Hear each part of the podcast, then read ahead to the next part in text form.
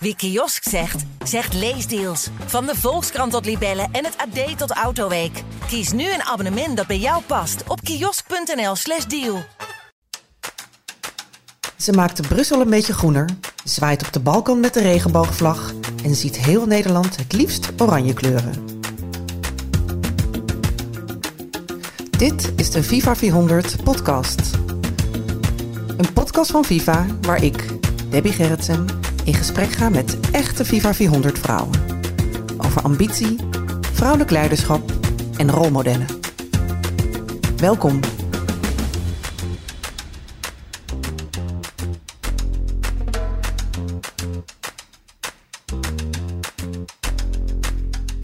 Tegenover mij zit Marije Cornelis.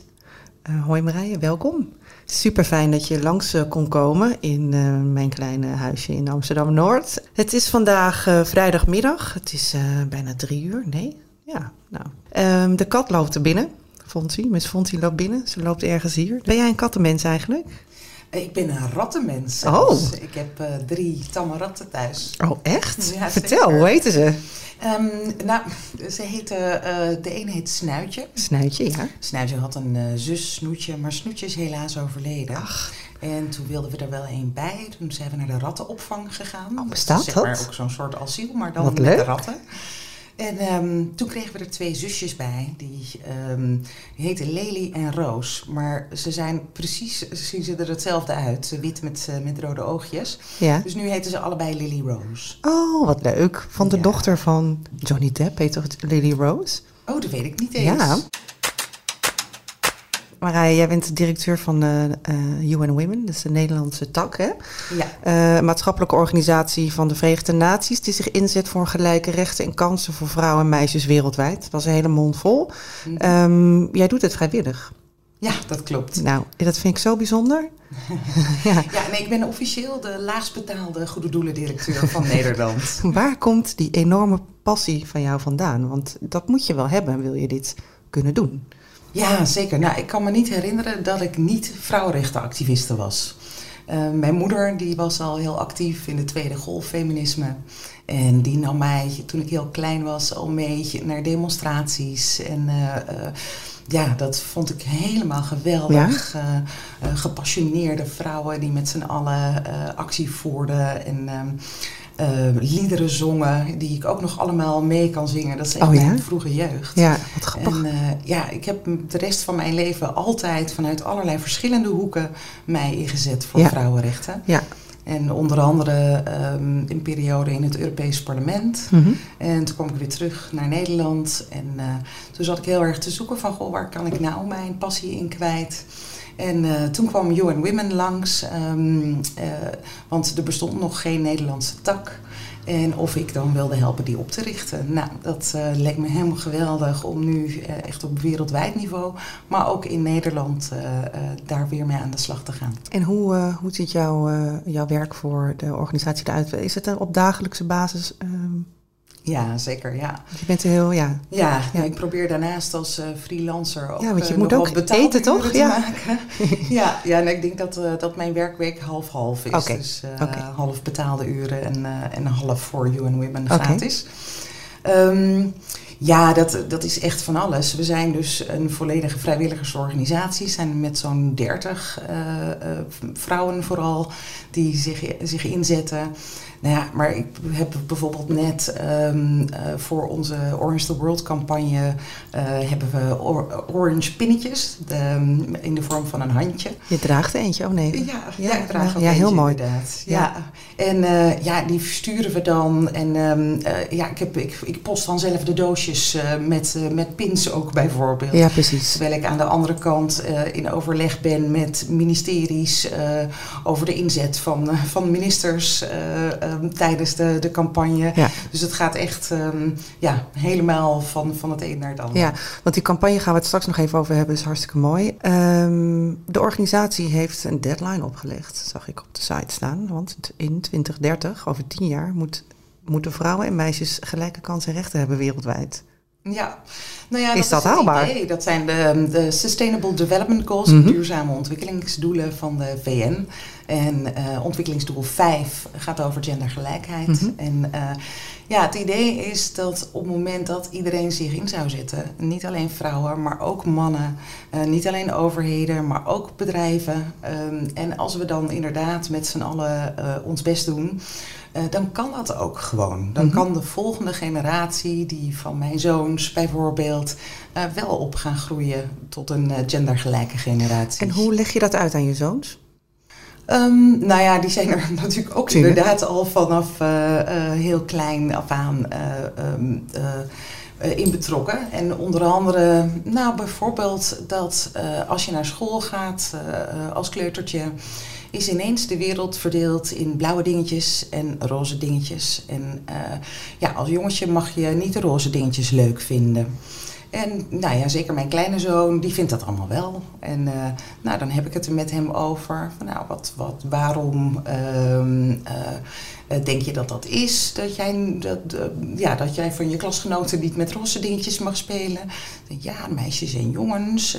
en nou ja, maar wie heeft dat ooit zo bedacht? En waarom zou jij je eraan houden? Nou, dan gaat hij zich daarover nadenken. Mm -hmm. Dus nou, volgens mij heb ik hem vanochtend, um, inmiddels is hij negen, met een roze t-shirt naar school ja, gestuurd. Kijk, dat staat hem namelijk ook helemaal geweldig. Ja. En ja, de wereld zou zoveel leuker zijn als uh, um, mannen zichzelf konden zijn en vrouwen ook.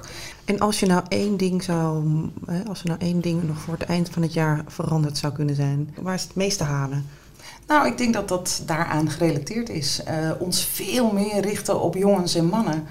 Uh, gendergelijkheid is geen vrouwending. En um, ook bijvoorbeeld ja, het, het, bestrijden van geweld tegen vrouwen. Um, het zit al in onze, onze taal. Dat, uh, ik doe het zelf ook. Zeggen, ja, één op de drie vrouwen in de wereld maakt geweld mee. Mm -hmm. Maar het lijkt bijna alsof het geweld uit de lucht komt vallen. Ja. Zij, zij, maakt dat ineens mee. Maar daar zijn altijd mannen bij betrokken. Dus, um, maar daar hebben we niet eens cijfers van. Dus ja, ik, ik kan niet zeggen één op de drie mannen maakt zich schuldig aan uh, geweld tegen vrouwen. Want ja, daar wordt niet eens uh, uh, onderzoek naar gedaan. Nee. Nee. En ik denk dat daar heel veel te halen valt. Van het, we moeten dat echt samen doen. Je kunt de wereld niet veranderen als je dat alleen maar met de vrouwelijke helft van de, van nee. de wereldbevolking doet. Dan nee. hebben we die andere helft gewoon bij nodig. Jij bent geboren in Stiens. Klopt. In een heel klein plaatsje in Friesland. Toch even benieuwd, zat je bij Arie Boomsma in de klas? Nee, nee, ik ben namelijk uh, uit, op, op mijn vierde al naar Zuidoost-Drenthe verhuisd, oh. naar Emmen. Oh, naar Emmen. Ja, kwam nog wel heel vaak uh, okay. in. Dus waarschijnlijk gingen we wel dan allebei naar uh, Slager Brolsma. Oh ja, ja. Maar goed, zo'n klein dorpje in Emmen ook. Je groeide op in een feministisch, met een feministische moeder. Uh, nou, Emmen vind ik ook niet heel erg progressief overkomen. Hoe, uh, nee, was het ook niet. Hoe nee. kwam dat zo? Nee, nee dat, dat was ook niet zo. Nee, dat vond ik ook heel lastig uh, ja. terwijl ik opgroeide. Maar jouw moeder was dus een hele feministische linkse vrouw? Ja, absoluut. en jouw vader? Uh, mijn vader was geen linksfeministische vrouw. vrouw nee. Uh, nee, hij was ook niet zo heel linksfeministisch. Okay. Uh, maar ja, maar gewoon wel, wel een hele, hele liefdevolle man die mij ook altijd heel erg heeft gesupport in, in wat ik deed in Fijn. het leven. Maar ook bijzonder voor die tijd wel. Ik kan me voorstellen dat je moeder zo uitgesproken was. Ja, ja zeker. Ja.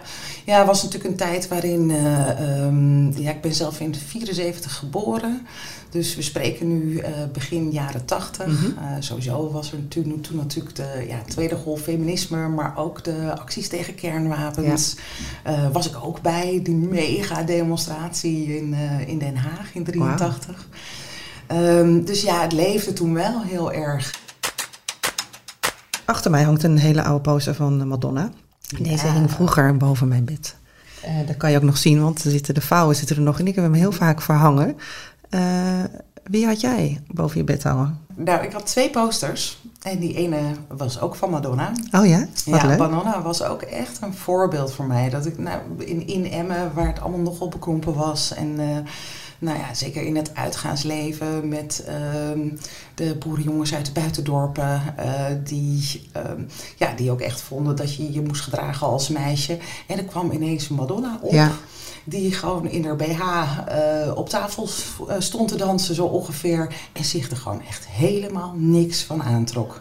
En uh, slutshaming vond ze helemaal geen probleem. En uh, nou, ik dacht, wauw, ja. wat, oh, dat wat dacht een jij, ja. vrijheid die Ja. zij neemt. En nou ja, die, die ik ook wil en waarvan ik vind dat iedere vrouw die zou moeten hebben. Ja. ja, voor mij is Madonna ook echt een rolmodel. Eh, hoe, eh, hoe, ja, ik weet niet hoeveel. Het was helemaal niet zo bon ton om te zeggen heel lang, maar ik vond haar echt, eh, ja, ik vind haar zo'n in, in, in, in haar seksualiteit zo bevrijdend en zo open. Ja, helemaal mee eens. Helemaal een rolmodel voor mij. Eh, ik had ook de tekst van Express Yourself had ik op de muur geschreven in mijn eerste studentenkamertje in Amsterdam. Eh, als een soort van, nou, eh, een soort mantra. Kijk daarna en laat jezelf zien en het is oké. Ehm, Voor mij is het heel belangrijk. Rolmodellen zijn belangrijk voor vrouwen. Mhm. Ja, nee, dat is zeker waar. Ehm, als, je, als je een vrouw iets ziet doen, dan eh, kun je je beter voorstellen dat jij het ook, eh, ook Ja. kunt doen later als je groot bent. Ja. Dus eh, dat Kamala Harris nu vicepresident wordt, dat is natuurlijk echt helemaal geweldig. Ja. Ieder klein zwart meisje in Amerika, die heeft nu iemand om, om naar op te kijken en te, te bedenken van, nou ja, als zij dat kan, dan kan ik het gewoon ook. En wie waren nog meer rolmodellen voor jou? Madonna is er eentje. Je moeder, Mijn denk moeder, ik zomaar. ja. Ja. Nou, Hedy Dancona vond ik natuurlijk destijds dan ook heel, heel cool. Oh ja, Eh, ja, ja. Die, eh, ja, de frontvrouw van, eh, van het feminisme. Ehm, ja, destijds weet ik het eigenlijk niet zo.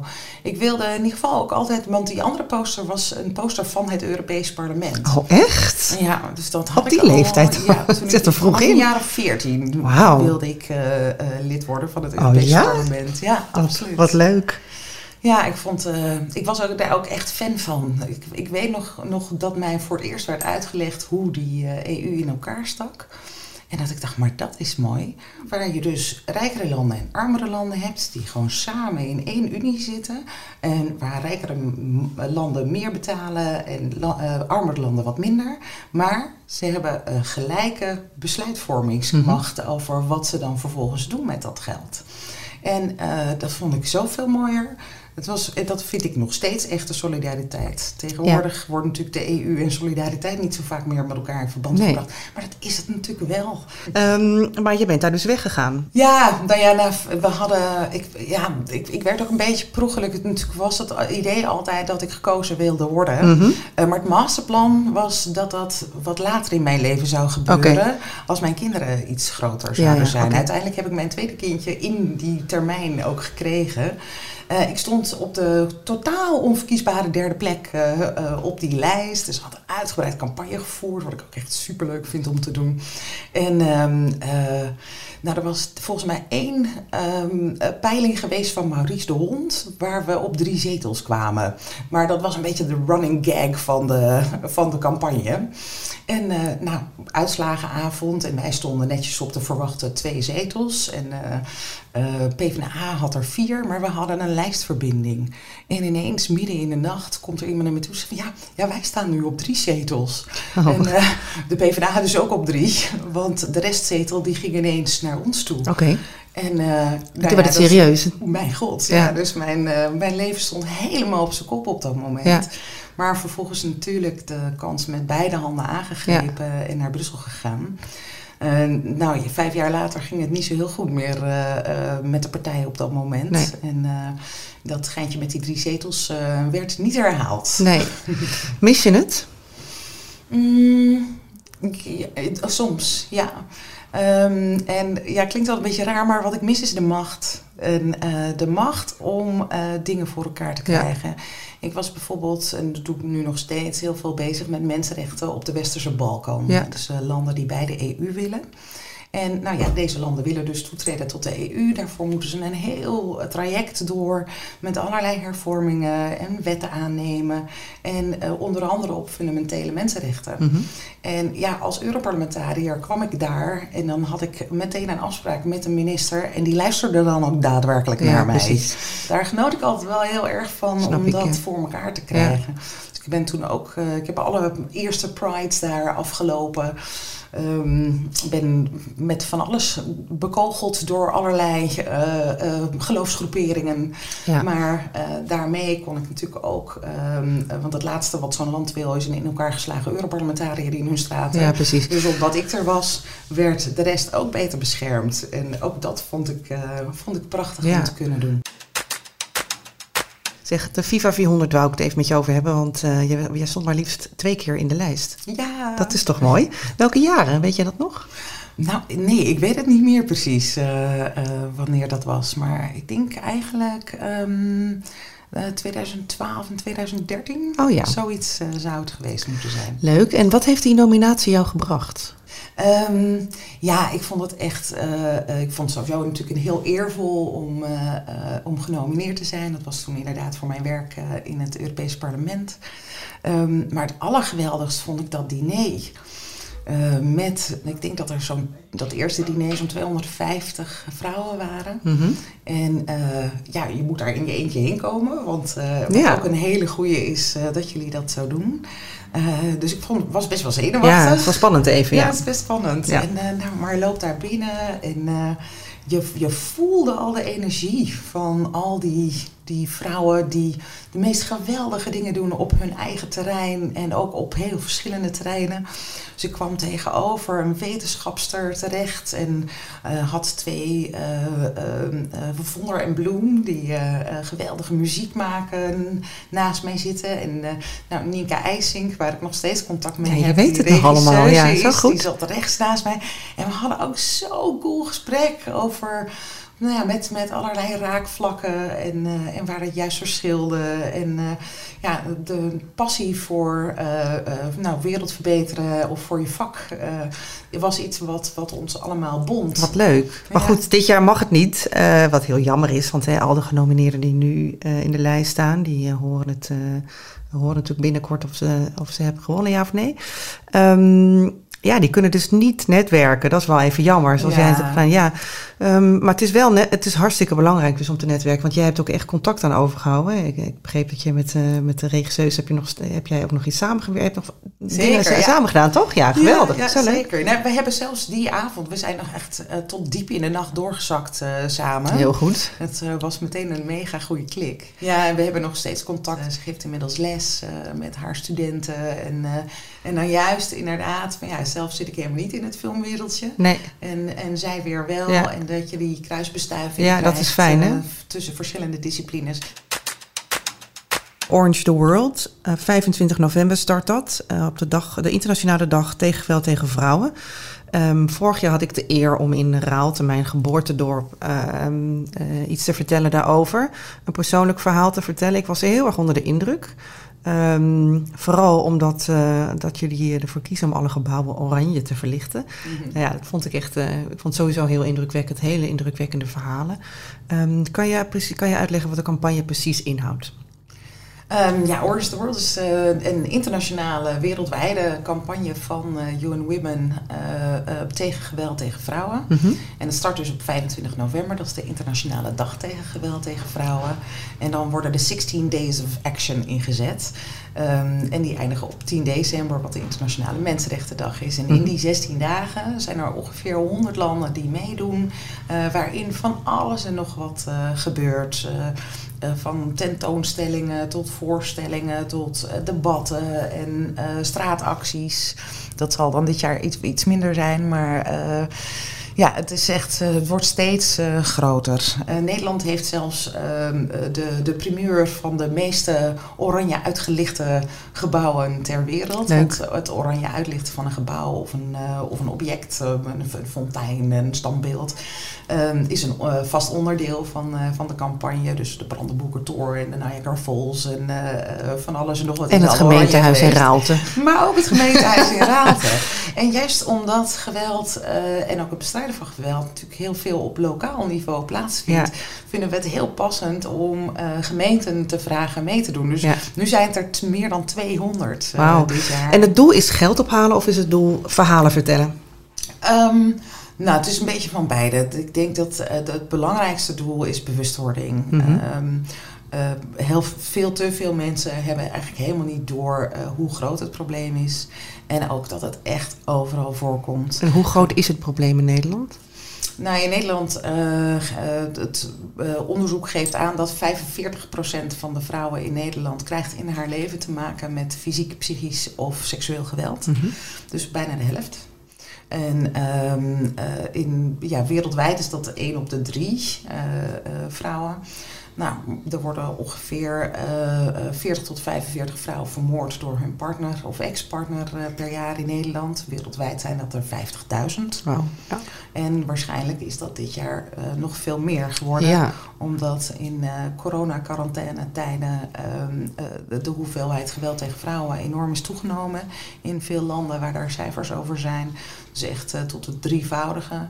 Um, de cijfers zijn er nog niet helemaal opgeteld natuurlijk, maar de verwachting is dat uh, het aantal uh, vermoorde vrouwen echt uh, schrikbarend is gestegen. En wat wordt er dan op, op lokaal niveau gedaan? Nou ja, het uh, zit natuurlijk aan, aan verschillende kanten. Moet je, moet je actie ondernemen. -hmm. um, zorg, inzetten op preventie. -hmm.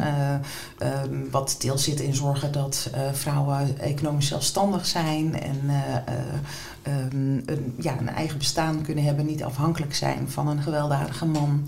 Uh, zorgen dat uh, vrouwen laagdrempelig geweld kunnen melden uh, als mm -hmm. hen dat overkomt. We hebben hier weliswaar veilig thuis waar je heen kunt bellen. Um, maar als je seksuele intimidatie op het werk meemaakt, kun je eigenlijk nergens terecht. Dus wat we gedaan hebben is een website opzetten, mm -hmm. um, www.geweldtegenvrouwenmelden.nl. Daar hebben we alle mogelijke meldpunten en hulplijnen die we hebben in Nederland uh, verzameld. Uh, op allerlei verschillende uh, vormen van geweld. Maar wordt het ook gedaan? Hè? Want dat is natuurlijk ook vaak wel een beetje het probleem. Nou ja, Vrouwen dus melden, ja, het wordt gewoon toch de melding, de me, meldingscijfer is natuurlijk extreem laag in, ja, in Nederland. Ja, zo'n 40% uh, meldt überhaupt ergens. En dat is dan inclusief bij een vriendin of een buurvrouw mm -hmm. of uh, iemand die, uh, die ze kent. Dus nou ja, 60% vertelt het überhaupt nooit aan iemand. Nee.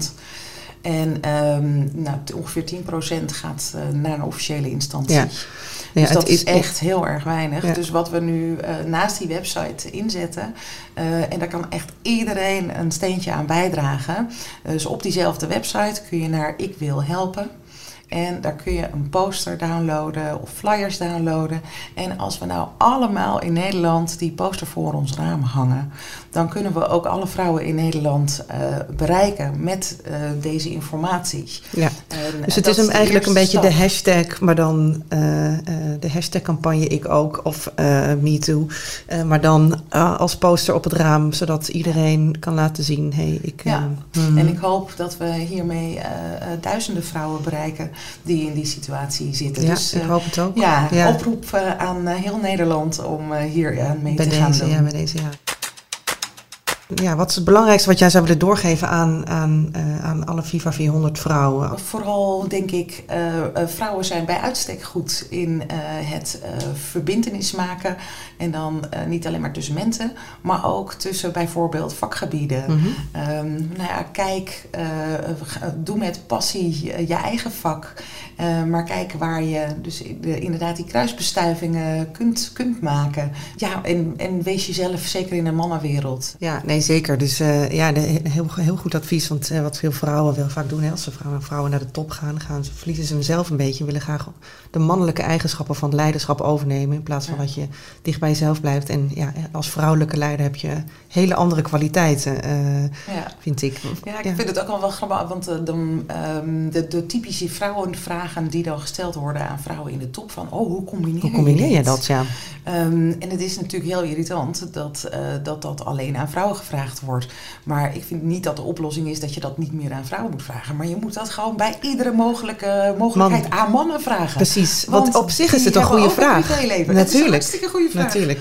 En ja. uh, hoe meer mannen het is alleen heel pijnlijk. daarmee, exact, uh, ja. hoe beter. Ja, ja, het is alleen heel pijnlijk dat het gewoon nooit aan een man gevraagd wordt. Hartstikke bedankt voor ja, dit gesprek. Ik vond, uh, vond het heel leuk om met je te kletsen. En heel veel uh, succes de 25e. Uh, nou, eigenlijk dan de hele campagne door. Ik hoop je sowieso nog een keer te spreken over iets heel anders. Een andere, ander onderwerp.